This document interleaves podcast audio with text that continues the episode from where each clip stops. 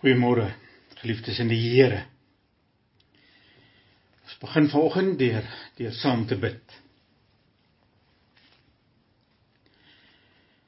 Onse Vader wat in die hemel is.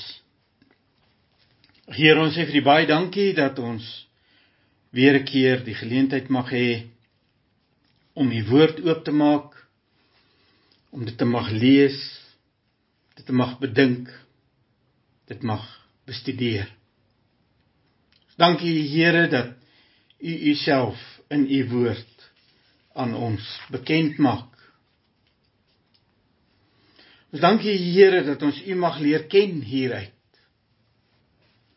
Ons dankie dat ons die geleentheid het om in Numeri besig te kan wees ook in daardie openbarings wat U deur Biliam gegee het.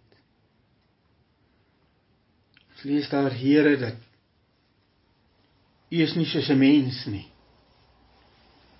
Soos 'n mens wat wat lieg nie. U is nie soos 'n mens dat U van gedagte verander nie. Nee. As U iets sê, dan doen U dit. As U iets beloof, dan voer U dit uit. Dankie Here dat ons mag verstaan. Dit is so want want U is die betroubare verbondsgod. Dankie Here dat U Uself verbind aan die mensdom deur U verbond. En dat U konsekwent binne daardie verbond optree. Here, nou wil U ons ook vanoggend weer voor u verbond plaas. Help ons om u raak te sien in hierdie verbond. Help ons ook om die inhoud van die verbond raak te sien. Help ons dan, Here, om ons te verlustig in die wete. Die getroue verbondsgod is aan die werk. Ons vra dit van U om Christus wil. Amen.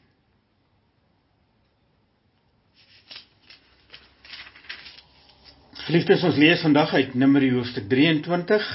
Ek gaan begin lees by vers 1 en ons gaan lees tot by vers 14 van hoofstuk 24. Numeri 23 vers 1 tot 24 vers 14. Biliam het vir Balak gesê: "Bou hier vir my sewe altare en maak sewe bulle en sewe ramme gereed vir offers." Balak het gedoen wat Biliam gesê het en hy en Biliam het op elkeen van die altare 'n bul en 'n ram geoffer. Daarna sê Biliam vir Balak: "Bly jy hier by jou brandoffer terwyl ek eenkant toe gaan. Miskien sal die Here hom aan my openbaar en wat hy ook al aan my bekend maak, sal ek vir jou sê." Biliam het na 'n kaal hoogte toe gestap en daar het God hom aan Biliam geopenbaar. Biliam het toe gesê: "Ek het sewe altare laat bou en op elke altaar 'n bul en 'n ram geoffer." Die Here het vir Biliam gesê wat hy moet sê en hom beveel: "Gaan na Balak toe terug en sê dit vir hom." Biliam het by Balak gekom waar hy en al die amptenare van Moab by die brandoffer staan. Toe kom Biliam met hierdie uitspraak: Uit Aram het Balak my laat kom. Die koning van Moab het my laat kom uit die berge in die ooste. Kom, het hy gesê, vervloek Jakob vir my. Kom, kondig 'n ramp aan oor Israel. Maar hoe kan ek hom vervloek vir wie God nie vervloek nie? Hoe kan ek 'n ramp oor hom aankondig as die Here dit nie aangekondig het nie? Hier van die hoë rotse af sien ek vir Israel, van die hoogtes af kyk ek na hom Ek sien 'n volk wat op sy eie woon en hom van die nasies afsonder. Wie kan die stof tel? Wie vir Jakob? Wie kan selfs 1 kwart van Israel se getal bereken? Mag ek ook eendag as opregte sterwe, mag my einde soos hierdie volk se wees. Sy sê Balak vir Biliam: "Wat het jy my nou aangedoen? Ek laat ek laat jou kom om my vyande te vloek en jy kom seën hulle. Bilam het geantwoord: Ek moes tog presies kom sê wat die Here my voorgesê het. Dis sê Balak vir Bilam: Kom saam met my na 'n ander plek toe. Van daar af sal jy net 'n deel van hulle kan sien en nie almal nie. Vervloek hulle vir my van daar af. Balak vat hom toe na 'n uitkykpos op die top van Pisgaberg. Daar bou hy sewe altare en offer op elke altaar 'n bul en 'n ram. Daarna sê Biljam vir Balak: "Bly jy hier by jou brandoffer terwyl ek eenkant toe gaan om van God 'n openbaring te vra." Die Here het hom aan Biljam geopenbaar, om gesê wat om te sê en hom beveel: "Gaan na Balak toe terug en sê dit vir hom." Biljam het by Balak gekom waar hy en die amptenare van Moab by die brandoffer staan en Balak vra hom toe: "Wat het die Here gesê?" Toe kom Biljam met hierdie uitspraak: "Kom luister, Balak. Hoor wat ek sê, seun van Sippor. God is nie 'n mens dat hy sou lieg nie. 'n Mens dat hy van gedagtes sou verander nie. Sou hy iets sê en dit nie doen nie, iets beloof en dit nie uitvoer nie? Ek het die opdrag om te seën. Hy het geseën en ek kan niks daaraan verander nie. Jy sal nie vind dat 'n ramp vir Jakob tref nie. Jy sal Israel nie sien swaar kry nie. Die Here, hulle God, is by hulle, oor hom, hulle koning, jubel hulle. God het hulle uit Egipte laat trek. Sy krag is vir hulle soos die horings van 'n buffel. Geen toordery rig iets uit teen Jakob nie, geen waarsêry iets teen Israel nie. Nou word daar oor Jakob, oor Israel gesê, wat het God nie alles gedoen nie? Dit is 'n volk wat soos 'n leeumannetjie opstaan, wat hom uitrek soos 'n leeu en nie weer gaan lê voordat hy sy prooi verskeer het en sy slagoffer se bloed gedrink het nie. Dis sê Balak vir Biljam: As jy hulle nie kan vervloek nie, moet jy hulle ook nie seën nie. Biljam het geantwoord: Ek het jou mos gesê, ek sal net doen wat die Here vir my sê. Dis sê Balak vir Biljam: Kom ek vat jou na 'n ander plek toe. Miskien vind God dit goed, tog goed dat jy die volk daarvandaan vir my vervloek. Balak vat toe vir Biliam na die top van Peor toe wat afkyk op die droë wêreld. Biliam het vir hom gesê: "Bou hier vir my sewe altare en maak vir my sewe bulle en sewe ramme gereed vir offers." Balak het gedoen wat Biliam gesê het en op elke altaar 'n bul en 'n ram geoffer. Biliam het nou geweet dat die Here vir Israel wil seën. En daarom moet hy nie soos die vorige kere 'n voorteken gaan soek nie.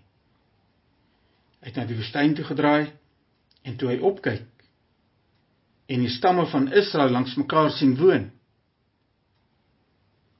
het die gees van God oor hom gekom. En toe kom Biliam met hierdie uitspraak. Die openbaring aan Biliam, seun van Beor, die openbaring aan 'n man wie se oë geopen is die openbaring aan een wat die woorde van God hoor, wat sien wat die Almagtige hom laat sien, wat in gebed neerval en sy oë word geopen. Hoe mooi is jou tente Jakob, jou wonings Israel. Hulle lyk soos uitgestrekte valleie, soos tuine aan 'n rivier, soos alwyne wat deur die Here geplant is, soos sederbome by die water. Israel se waterkruike loop oor. Hy saai waar oorvloed water is. Sy koning is sterker as Agag en sy koninkryk groei steeds. God het hulle uit Egipte laat trek. Sy krag is vir hulle soos die horings van 'n buffel. Israel vernietig die nasies wat hom teë staan. Hy breek hulle bene stukkend, hy deurboor hulle met pile. Hy buig sy knieë en gaan lê soos 'n leeu, soos 'n leeumannetjie. Wie sal hom opjag? Geseën is hulle wat jou seën. Vervloek is hulle wat jou vervloek. Balak was toe baie kwaad vir Biliam. Hy het sy hande afweer en voor hom gehou en vir Biliam gesê: "Ek het jou laat kom om my vyande te vloek en jy het hulle nou al 3 keer geseën. Maak dat jy wegkom na jou eie plek toe. Ek het beloof om my geld te eh, om jou goed te betaal, maar die Here het gekeer dat jy betaal word." Biliam sê te vir Balak: Ek het mos al vir die boodskappers wat jy na my toe gestuur het gesê, selfs al gee Balak vir my sy paleis vol silwer of goud, mag ek niks doen, goed of kwaad, teen die opdrag van die Here in nie. Ek kan net sê wat die Here vir my voorsê. Ek gaan terug na my mense toe.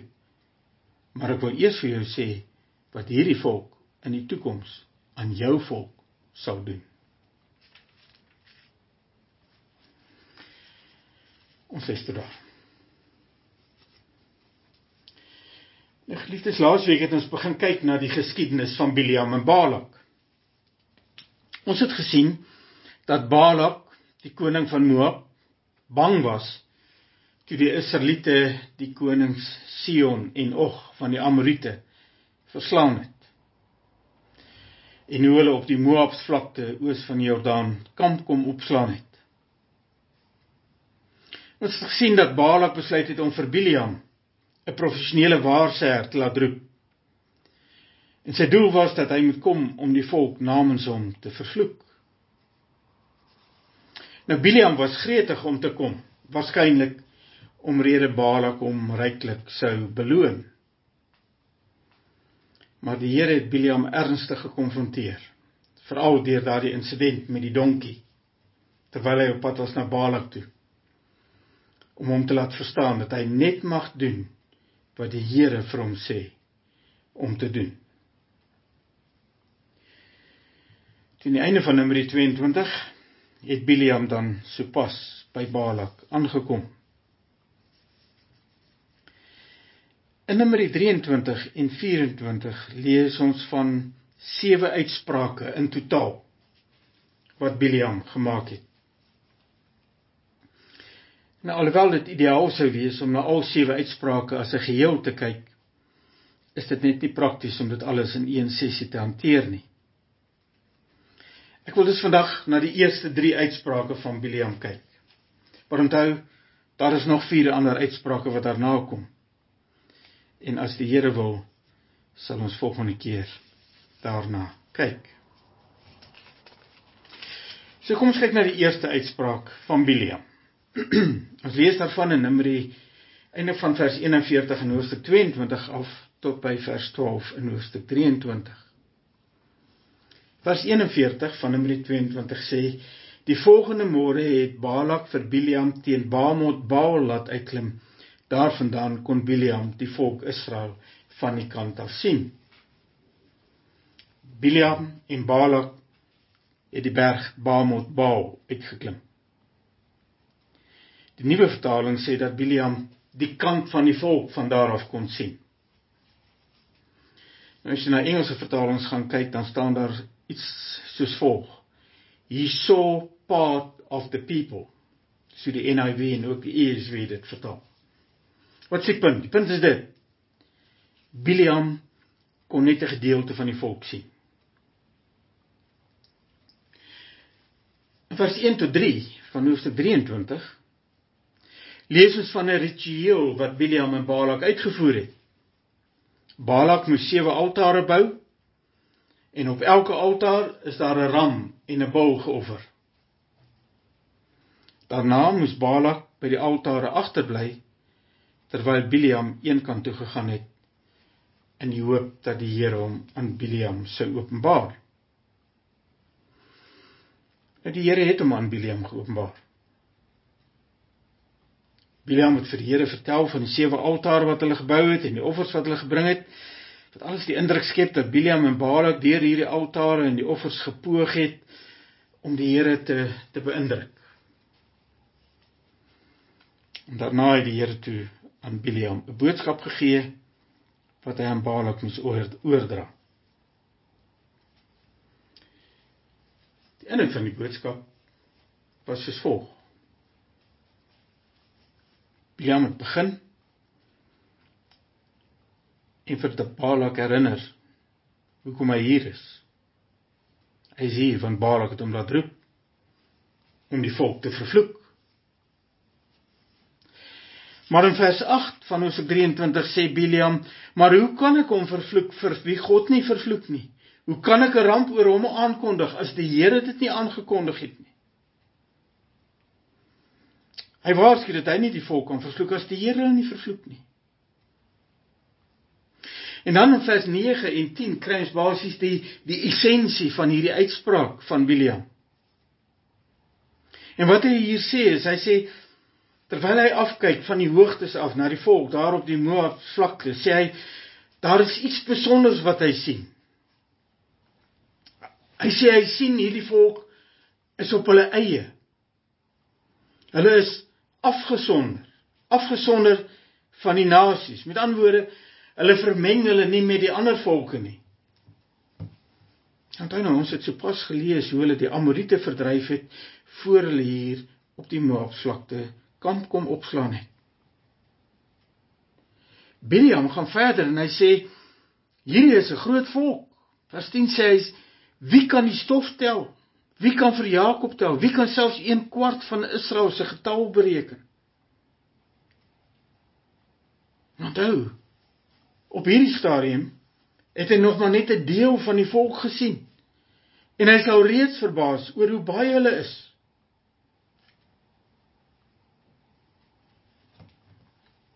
Boonop assosieer Biliam die volk met die opregtes. Daar aan die einde van vers 10 spreek hy begeerte uit: Mag ek ook eendag as 'n opregte sterwe. Mag myne my einde soos hierdie volk sin wees. Kom spreek opsom. Wat sê Biliam? Hy sê hy sien 'n groot volk. Hy sien hulle is afgesonder, hulle vermeng hulle nie met ander nasies nie. En hy beskryf hulle as as opregtes. Uiteindelik is dit nie wat Balak wou hoor nie. Dit klink vir hom meer na 'n seën as 'n vervloeking. Maar Biliam herinner hom hy kan maar net sê wat die Here sê. Dis die eerste uitspraak. Kom ons kyk na die tweede uitspraak van Biliam hoofstuk 23 vers 13 tot 26. Balak besluit dat hulle na 'n ander berg toe moet verskuif. Miskien sal Biliam Israel van daar af vervloek. Hulle verskuif nou na die top van Pisga berg. Van daar af kan Biliam weer net 'n deel van die volk sien. Weereens gaan hulle deur die ritueel om sewe altare te bou en om op elke altaar 'n bul en 'n ram te offer. Weer bly Balak by die altare en Biliam gaan eenkant om 'n openbaring van die Here te ontvang. En weer openbaar die Here hom aan Biliam. Hierdie keer is die boodskap soos volg. Vir 'n begin moet Balak iets oor God leer vers 18. Kom luister Balak, hoor wat ek sê seun van Sippor, God is nie 'n mens dat hy sou lieg nie. 'n Mens dat hy van gedagtes sou verander nie. Sou hy iets sê en dit nie doen nie? Iets beloof en dit nie uitvoer nie? Ja, mens sê God is nie 'n mens nie. En daarom verander hy net eenvoudig nie van gedagtes soos 'n mens tipies doen nie. Nie as God iets beloof het, dan doen hy dit. Ons moet onthou dat die Here het alreeds tydens die besoek van die eerste afvaardiging van Balak, uh terwyl Biliam nog daar by die Efraat was, op daardie stadium het Biliam alreeds gesê hy mag nie die volk vervloek nie, want hulle is geseën. Gelees my weer Numeri 22 vers 12. Nou sê Biliam hier in vers 20, ek het die opdrag om te seën. Hy, dit is God het geseën en ek kan niks verander nie. Hy het eintlik weer vir Balak. Hy kan nie die volk vervloek nie. En die rede hulle is is hulle is deur die Here geseën. En onthou nou, die Here is nie 'n mens nie. Hy verander nie van plan nie. Hy verander nie van gedagte nie. Hy het hulle alreeds geseën en daarom is hulle geseën. Dit gaan nie verander nie. Vers 21 spel die resultate hiervan uit. Gevolglik beleef Israel geen rampe of swaar kry nie. En dan vers 21b sê Biliam die Here hulle God is by hulle. Oor hom, hulle koning, jubel hulle. Die Here is by die volk. En hulle verheug hulle in hom as hulle koning. Dit was juist die Here wat hulle uit Egipte gebring het en hy is duidelik hulle krag. Hy verduidelik aan Balak, Balak moet verstaan, sien as dit alles waar is, gaan daar geen toordery of waarsêery wees wat enigiets hier gaan vermag nie. Juis wat Balak gehoop het Biliam om mee kan help. Trouens Balak moet verstaan, die volk is soos 'n leeumannetjie wat eers gaan lê as hy sy prooi verskeer het. Heel waarskynlik 'n aanduiding dat die volk die beloofde land suksesvol sal inneem en hulle vyande gaan verstrooi. Wat die punt van hierdie tweede uitspraak? Die Here sê deur Biliam, hy is by die volk. En boonop, hy het hulle geseën. Omdat hy nie sy beloftes verander nie, sal hy by hulle bly. En hulle gaan suksesvol hulle vyande vernietig. Duidelik is dit glad nie wat Baal wou hoor nie. Hierdie is duidelik nie 'n vloek nie, dis 'n seën. Boonop is dit 'n seën wat onherroepelik vas vas staan. En boonop hou dit 'n bedreiging vir hom as Balak in, want die volk is soos 'n leeumannetjie wat sy vyande gaan verstrooi en duidelik is Balak deur sy optrede deel van die volk se vyande.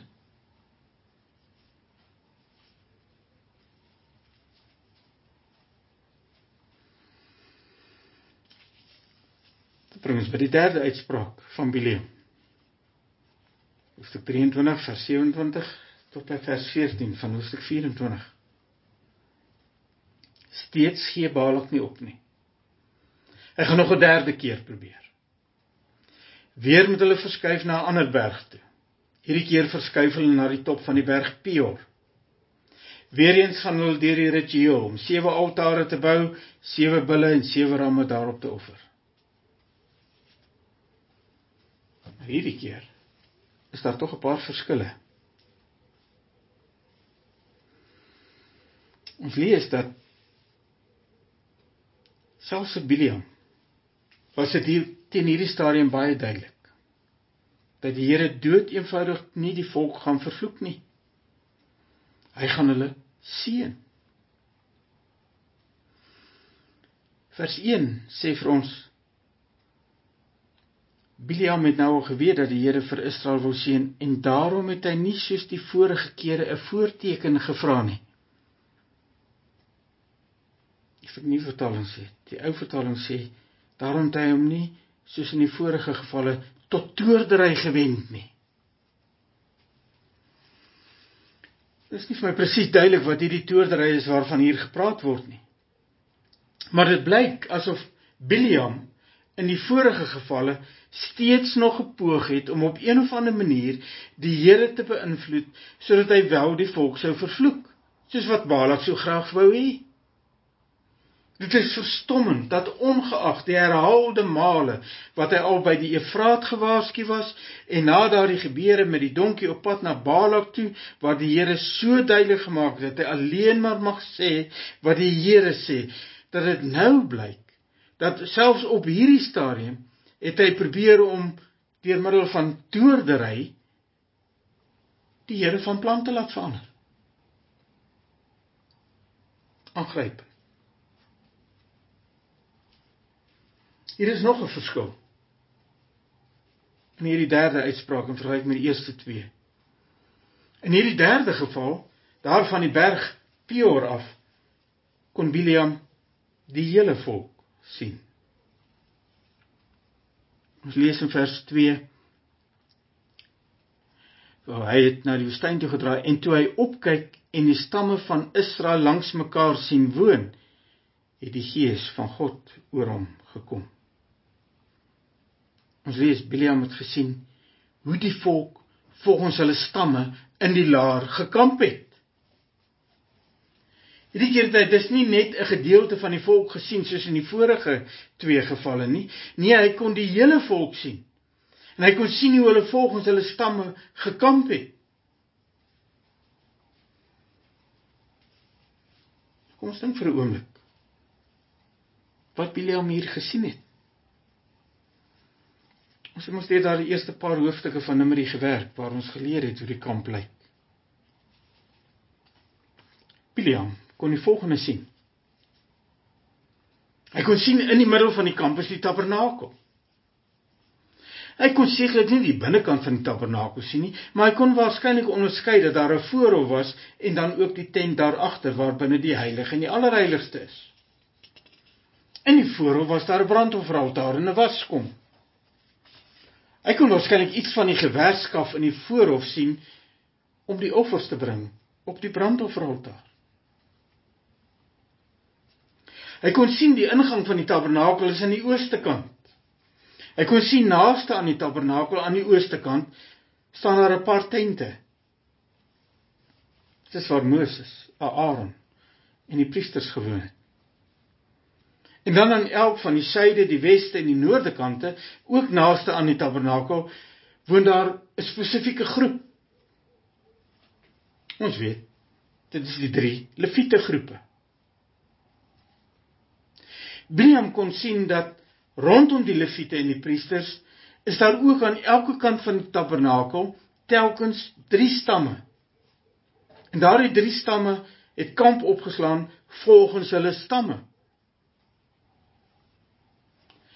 Hy kon nou vir die eerste keer sien hoe groot hierdie volk is. Meer as 600 000 mans ouer as 20 jaar. Ek kon waarskynlik self sien dat daar buite die kamp is daar nog 'n klompie mense wat daar woon. Dit was die mense wat onrein was.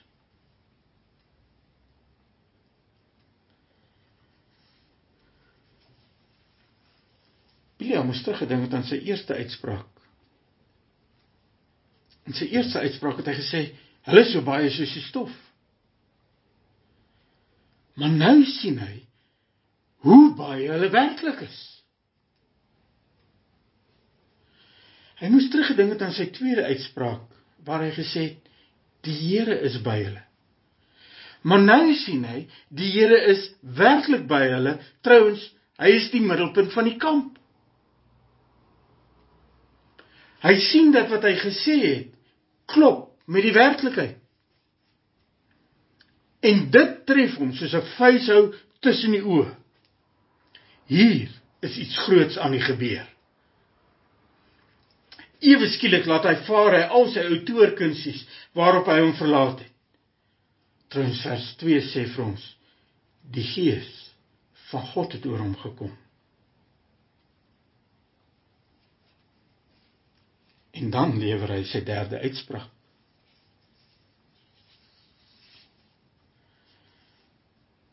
Hy begin sy derde uitspraak en dan sê hy die volgende. Hy sê daar in vers 3 die openbaring aan Biliam seun van Beor die openbaring aan 'n man wie sy oë geopen is die openbaring aan een wat die woorde van God hoor wat sien wat die almagtige hom laat sien wat in die gebed wat in gebed neerval en sy oë word geopen hy begin hierdie uitspraak en hy erken hy is tot in sy sokkies geskit deurdat hy verstaan dit is die Here wat sy oë oopgemaak het om te sien wat die Almagtige wil hê hy moet sien. In die res van die uitspraak vertel Biliam dat hy sien hoe mooi die tente en die wonings van die volk is. Hy beskryf dit as uitgestrekte valleie, tuine by 'n rivier, alwyne en sederbome wat toegang het tot oorvloedwater. Die heel waarskynlik is hierdie 'n beskrywing van die volk wanneer hulle wel in die beloofde land sou aankom. Biliam sien weer eens dat die krag van Israel se koning is die krag van die Here, dat die dit is die Here wat hulle uit Egipte gebring het. Hy is hulle krag. Dit is deur hierdie krag van die Here dat hulle hulle vyande gaan vernietig en daarna sal hulle soos 'n leeumannetjie gaan lê. En wie gaan hulle dan opjaag? In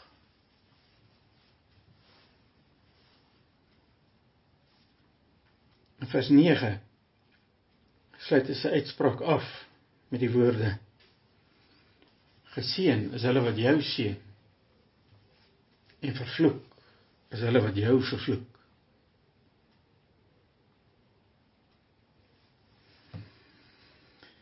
Net in hierdie tyd het Balak genoeg gehad. Hy wou hê die volk Israel moes vervloek word. Nou word die volk nie net geseën nie. maar boonop moet hy hoor dat hy wat die volk wil vervloek, kan verwag om vervloek te word, nê? Geseën is die wat ehm um, seën is hulle wat jou seën, vervloek is hulle wat jou vervloek. En Balak moet verstaan, maar hy wil hulle vervloek, daarom is hy vervloek. Hy vaar uit in Biliam. Arme Biliam se verwagting op 'n loon is ook daarmee heen. Balak jaag hom weg sonder betaling. Biliam sê Balak genoeg keer gewaarsku. Hy kan maar net sê wat die Here sê. En in vers 14 sluit Biliam af. En hy sê: "Is goed. Ek gaan nou huis toe gaan. Maar voordat ek huis toe gaan, is daar nog 'n paar dinge wat ek eers wil sê." En daarmee verwys hy na die volgende 4 uitsprake wat hy gaan lewer. Nou ons gaan nie nou daarna kyk nie as die Here wil. Sal ons volgende keer daarna kyk. Kom ons besin oor wat ons in hierdie 3 uitsprake sien gebeur. In hierdie 3 uitsprake het Biliam die volgende hoofpunte uitgewys. In eerste uh, eerste uitspraak het hy gewys hierdie volk is 'n groot volk. In die tweede uitspraak het hy uitgewys maar die Here is by die volk. En in die derde uitspraak het hy uitgewys hulle gaan heerlik in die land woon.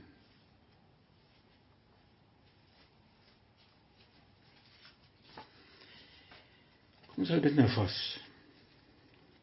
Baie nou saam met na Genesis hoofstuk 12. Genesis hoofstuk 12 vers 1 tot 3.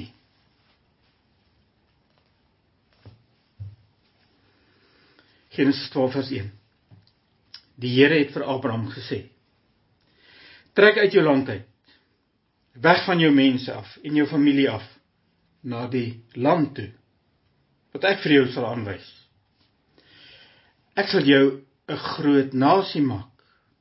Ek sal jou seën en jou 'n man van groot betekenis maak en jy moet tot 'n seën wees. Ek sal seën wie jou seën en hom vervloek wat jou vervloek.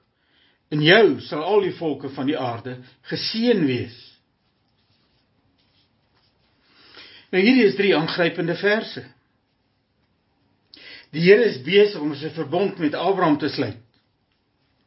Die Here gee die opdrag aan Abraham dat hy uit sy land moet trek, weg van sy mense af na die land wat die Here aan hom sal wys. Boonop lees ons hier dat die Here hom 'n groot nasie sal maak en hom sal seën. So verseker dat hy tot seën sal wees. Die Here sal die seën wat vir Abraham seën en die vervloek wat hom vervloek. In hom sal al die volke van die aarde geseën wees. Nou duidelik beloof die Here hier aan Abraham 'n land en ook 'n groot nageslag wat selfs uit baie nasies sal bestaan. Maar as jy net aanbly na Genesis hoofstuk 15, toe dan brei die Here nog 'n bietjie meer detail daarop uit. Genesis 15. Daar lees ons in vers 5 die volgende: Toe die Here vir Abraham buitentoe laat gaan en vir hom gesê: "Kyk op na die hemel en tel die sterre as jy kan." Verder sê die Here vir hom: "So baie sal jou nageslag wees." Hier onderstreep die Here hoe groot hierdie nageslag is wat hy aan Abraham beloof het. Van Genesis 17 toe, vers 4. Daar sê die Here vir Abraham die volgende: Dit is my verbond met jou. Jy sal die vader wees van 'n menigte nasies. Weer 'n keer onderstreping van hoe groot hierdie nageslag is. En dan in vers 7 van Genesis 17 sê die Here die volgende: ek bring 'n verbond tot stand tussen my en jou en jou nageslag en al hulle geslagte. Dit is 'n blywende verbond. Ek sal jou God wees en ook die God van jou nageslag. Die Here maak dit baie duidelik. Hy sê aan Abraham: Ek het 'n verbond op met jou.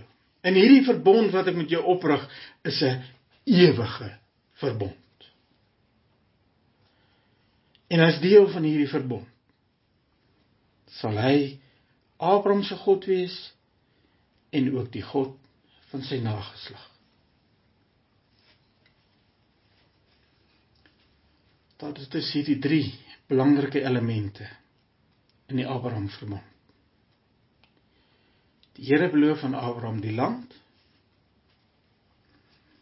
'n groot nageslag wat uit baie nasies sal bestaan en ook dat hy vir Abraham en sy nageslag 'n God sal wees. En daarbey voeg die Here hierdie is 'n ewige verbond.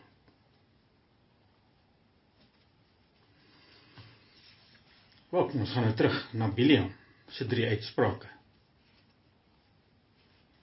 In die eerste uitspraak lê hy klem daarop dat die volk 'n groot volk is. Hulle is so baie soos die stof, sê hy. Want die Here het vir Abraham gesê sy nageslag sal so baie wees soos die sterre aan die hemel.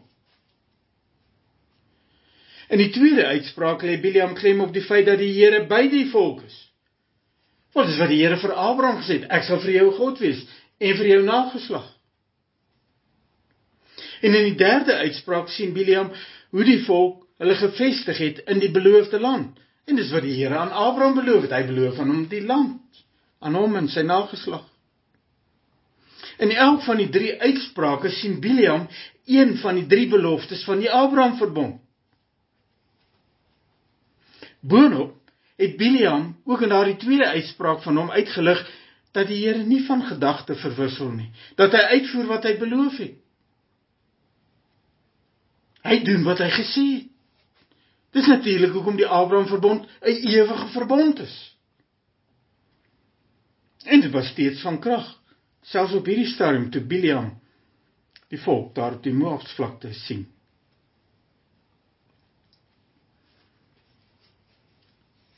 Biliam het sy derde uitspraak afgesluit met daardie woorde: Geseën is hulle wat jou seën en vervloek is hulle wat jou vervloek.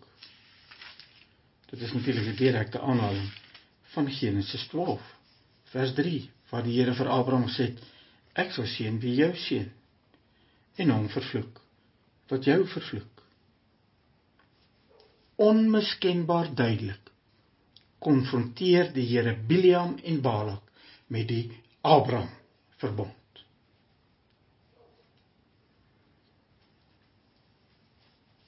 Dink verder oor die volgende. Met die eerste twee uitsprake praat Biliam oor die twee beloftes in die Abraham verbond wat al reeds op daardie stadium gerealiseer het. Die volk was reeds 'n groot volk en die Here was reeds in hulle midde. Onthou ook met hierdie twee uitsprake het Biliam nog slegs 'n gedeelte van die volk gesien.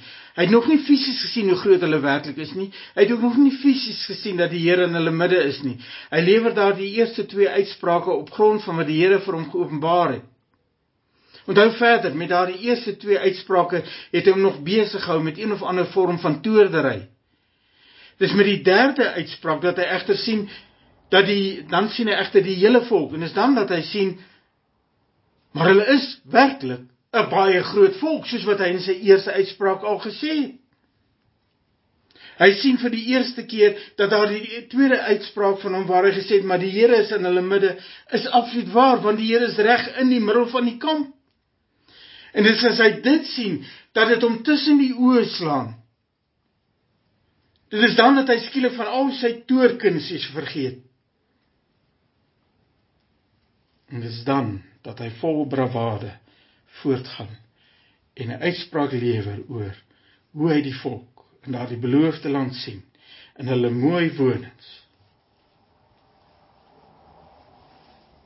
Volks op hierdie stadium op die punt om die land te gaan inneem.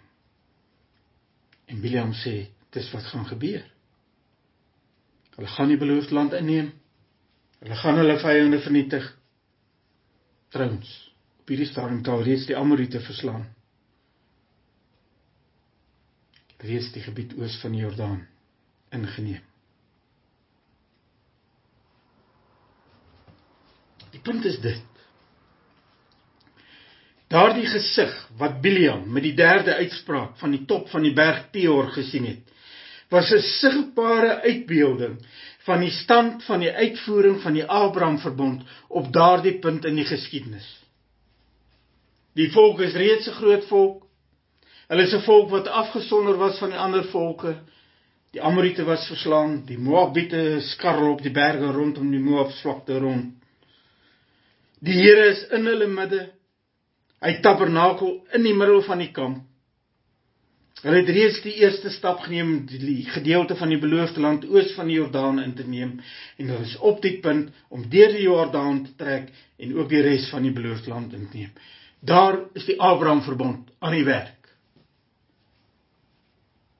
Dis wat Biljam sien. Dis wat hom van sy toorkunsies laat vergeet. En die boodskap aan Balak is baie duidelik en op die man af. Die Here het rowweg 600 jaar gelede al aan Abraham beloof, die een wat Abraham se nageslag seën, sal geseën wees en wie hulle wil vervloek, sal vervloek wees. Wel Balak, jy het spesiaal vir Bileam laat roep om die volk te vervloek. God is nie 'n mens dat hy sou lieg nie, 'n mens dat hy van gedagtes sou verander nie. Verander nie. Sou hy iets sê en dit nie doen nie? Iets beloof en dit nie uitvoer nie. Daarom Balak sal die volk geseën wees. Maar jy sal vervloek wees.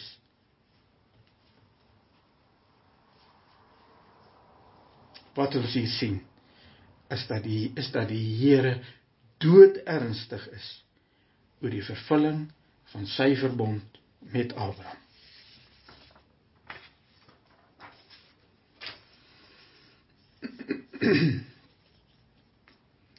Kom ons probeer om dit van toepassing te maak op onsself.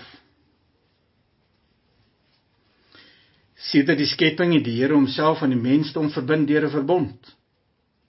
Aanvanklik voor die sondeval was dit 'n werkverbond. Maar sedert Genesis 3 het die Here homself verbind deur sy genadeverbond. Genesis 3 het die Here beloof dat die verlosser sal kom wat éventueel die kop van die slang sal vermorsel. En soos wat jy dan verder deur die Ou Testament lees, kom jy by jou wat verbonde uit. Daar is die verbond aan met Noag, die Abraham verbond, Sinaï verbond, die verbond met Dawid. Nou eintlik is al hierdie verbonde almal saam deel van daardie een genadeverbond wat reeds in Genesis 3 begin het. Elke opvolgende verbond bou op die voriges en lê klem op 'n ander element van die genadeverbond. Ons weet ook met Jesus se eerste koms breek die nuwe verbond aan.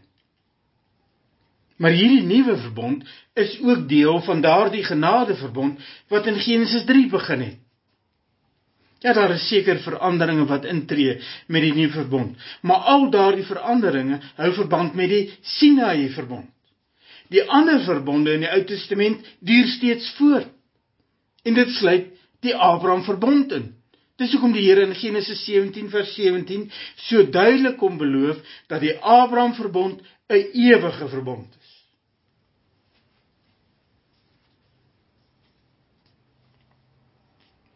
En die Nuwe Testament bevestig dit oor en oor. Nuwe Testament gryp gereeld terug na Abraham en die Abraham verbond toe. Jy kan Galasiërs 3 gaan lees, jy kan Romeine 4 gaan lees, jy kan Romeine 9 gaan lees. Jy kry dit keer op keer. Kan ek maar net twee verse uit Romeine 4 lees. Romeine 4 vers 16. Daarom het die belofte deur die geloof en dis uit genade tot Abraham gekom sodat dit van krag sou bly vir sy hele nageslag Hoor wie sy nageslag. En sy nageslag is nie net die wat die wet ontvang het nie, met ander woorde nie net die Israeliete nie, maar ook die wat glo soos Abraham geglo het. Met ander woorde ook ons almal wat glo. Hy is immers die vader van ons almal. Soos daar geskrywe staan, ek het jou die vader van baie nasies gemaak. Dit is hy in die oë van God in wie hy geglo het. God wat dooies lewend maak en dinge wat nie bestaan nie tot stand bring deur sy woord. Ja, ons kan baie oor hierdie verse sê, maar wat lees ons daar? Ons lees dat Abraham is deur geloof gered. Soos wat ons deur geloof gered word. Dis die element van die Abraham verbond. Abraham het geglo en dit is om tot geregtigheid gereken. Ou Testamentiese gelowiges is gered deur geloof, soos Nuwe Testamentiese gelowiges. Ons lees Abraham is die vader van alle gelowiges. En daarom kom God aan Abraham beloof dat sy nageslag baie nasies sal insluit.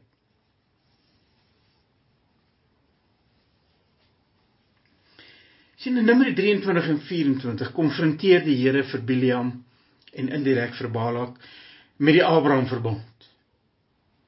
En die boodskap aan hulle is as julle doelwit is om die volk van die Here te vervloek. Neem kennis.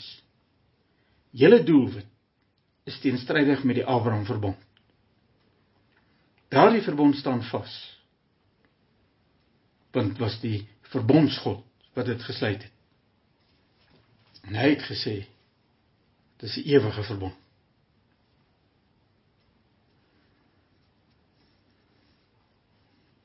Sy eerste uitspraak het Biliam gesê hy begeer om ook opreg te sterwe soos die lede van die volk. Wel Biliam, As dit werklik is wat jy begeer, dan moet jy ophou om teen die volk van die Here te werk. Maar die Abraham verbond staan vandag steeds onwrikbaar vas. Glo jy dit? Is dit vir jou werklikheid? Dink jy daaraan? Bemoedig dit jou? Of is die Abraham verbond vir jou net 'n vaag gebeurtenis iewers in die Ou Testament? Biliam is tot stilstand geruk toe hy die hele kamp sien en hoe ver die Here al gevorder het met die vervulling van sy beloftes aan Abraham. Wel, in die meer as 3000 jaar wat verloop het sedert Biliam en Balak daar op die berg Peor was, het die Here nog baie vordering gemaak. Volgende week sal ons sien hoe van Biliam se verdere uitsprake ook al intussen in vervulling gegaan het. Verder dink moet net aan die feit dat die Here aan Abraham beloof het dat hy die vader van baie nasies sal word. Op daardie stadium in Numeri toe toe Biliam en Balak daar op die berg Peor was, was die meeste lede van die volk fisiese afstammeling van Abraham. Maar sedert Jesus se hemelvaart het dit natuurlik baie beduidend uitgebrei. Vandag is daar gelowiges as ware nageslag van Abraham uit alle volke, stamme, tale en nasies.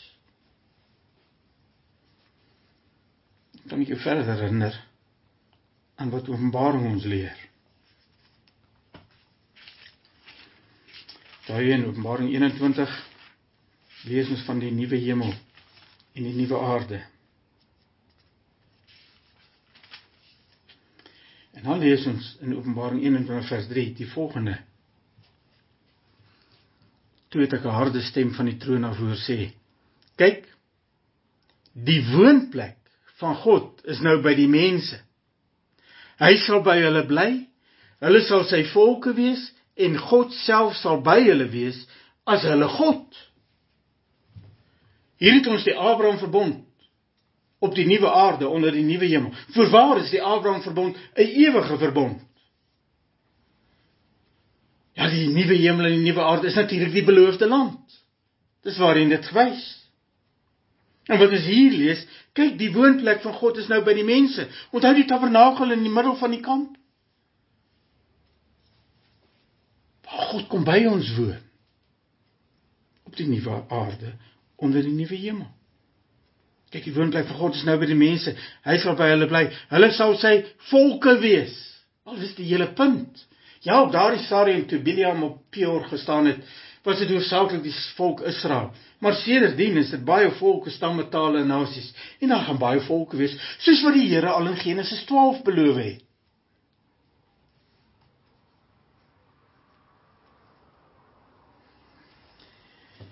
Net soos wat Biliam en Balak kennis moes neem dat die Here se plan onopstootlik op pad is om daardie vervulling om daardie beloftes aan Abraham 'n vervulling te laat gaan.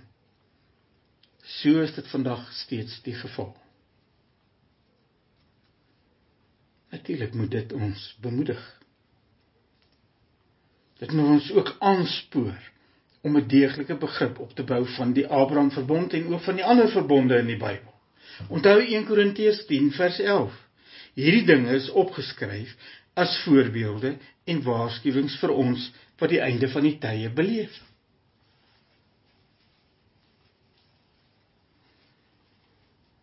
Vraag is nou: Beywer jy jou om die nageslag van Abraham te laat groei?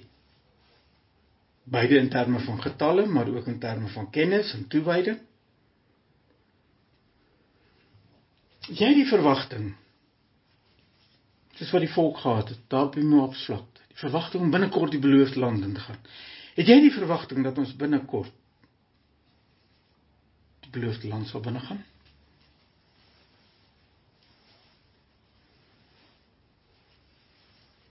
is die Here werklik die middelpunt van jou lewe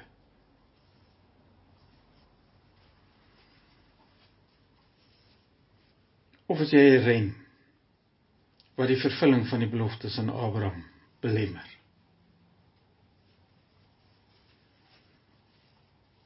Onthou wat die Here vir Abraham gesê het.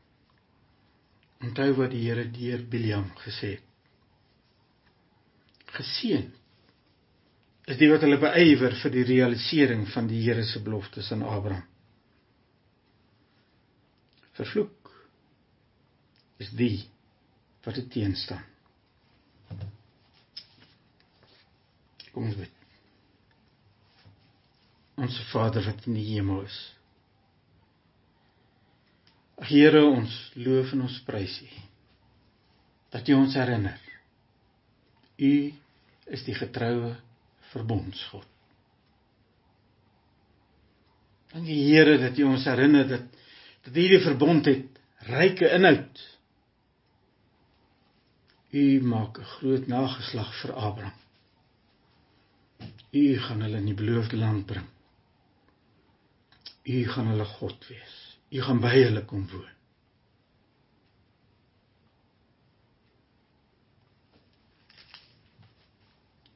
Here sal ons help dat ons dit nie sal vergeet nie sal ons help dat ons met dit in gedagte sal lewe in hierdie wêreld sal lewe.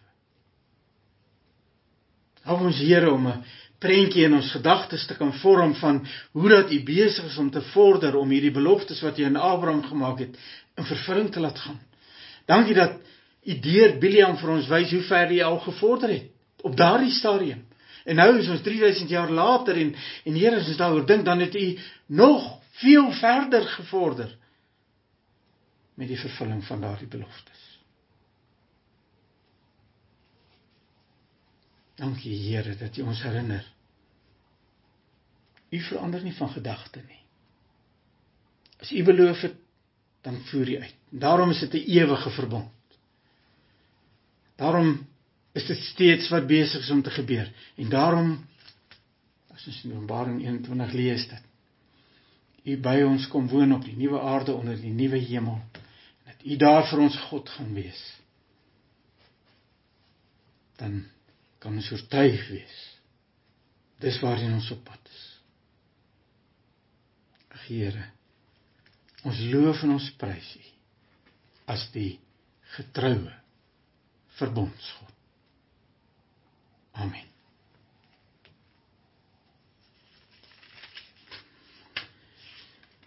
Dit is ek sluit af met Hebreërs hoofstuk 13 vers 20 en 21. God wat vrede gee. Het ons Here Jesus wat hoor nou deur die bloed van die ewige verbond die groot herder van sy kudde is uit die dood teruggebring. Mag die God julle toerus met alles wat goed is sodat julle sy wil kan doen. Mag hy deur Jesus Christus in ons tot stand bring wat vir hom aanneemlik is. Aan hom behoort die heerlikheid tot in alle ewigheid. Amen.